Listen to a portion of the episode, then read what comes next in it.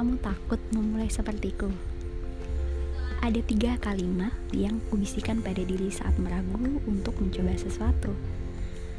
Yang kamu tidak kehilangan mampu, hanya saja kehilangan percaya, percaya bahwa dirimu itu mampu. Jika memang nanti gagal, maka biarkan yang nanti tetap menjadi nanti. Kamu hidup di masa sekarang, dan tugasmu sekarang hanya satu, memulai, bukan gagal. Kamu tidak harus yakin 100% untuk memulai sesuatu. Akan selalu ada ragu dan takut, bukan untuk menghalangi, tapi agar kamu lebih berhati-hati. Jadi buat kalian semua tetap semangat, jangan pernah takut akan kegagalan karena orang sukses itu berawal dari gagal. Mereka belajar dari gagal tersebut untuk bisa mendapatkan apa yang mereka inginkan. Ya impiannya, mimpi-mimpi indah yang udah dia tulis dan dia list dalam wishlistnya. Semangat buat kalian semua.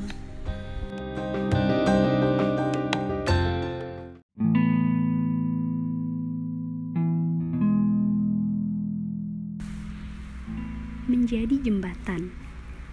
Hidup itu kayak konsep jembatan. Kayak gimana maksudnya sih? Kalau tujuan hidupmu menjadi jembatan rezeki, maka Allah akan memberimu rezeki yang lebih banyak. Karena Allah tahu setiap rezeki yang kamu terima tidak untukmu sendiri, tapi akan kamu berikan lagi bagi orang lain, ya kan?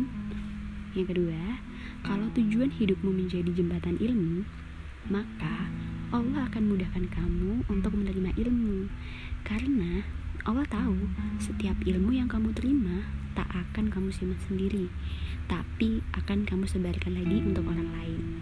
Bener nggak? Bener yang ketiga kalau tujuan hidupmu menjadi jembatan kebaikan maka Allah akan berikan kamu kebaikan yang banyak. Karena Allah tahu setiap kebaikan yang kamu dapat akan membuatmu untuk melakukan kebaikan yang lainnya.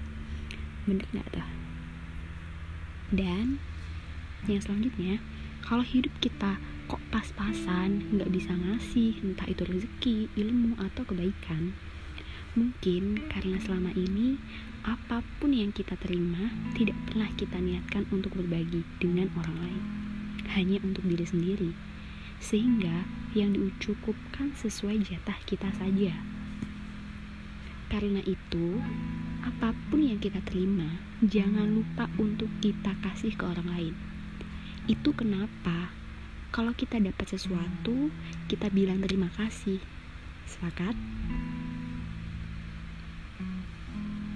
Jadi, kalau kamu bertanya, kenapa orang kok ilmunya banyak, rezekinya banyak, ngasih baiknya banyak?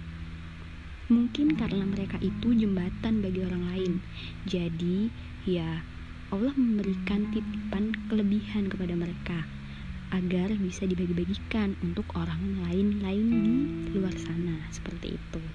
Dan jangan lupa ya buat kalian share podcast ini biar uh, podcast ini bermanfaat bagi orang lain. Terima kasih.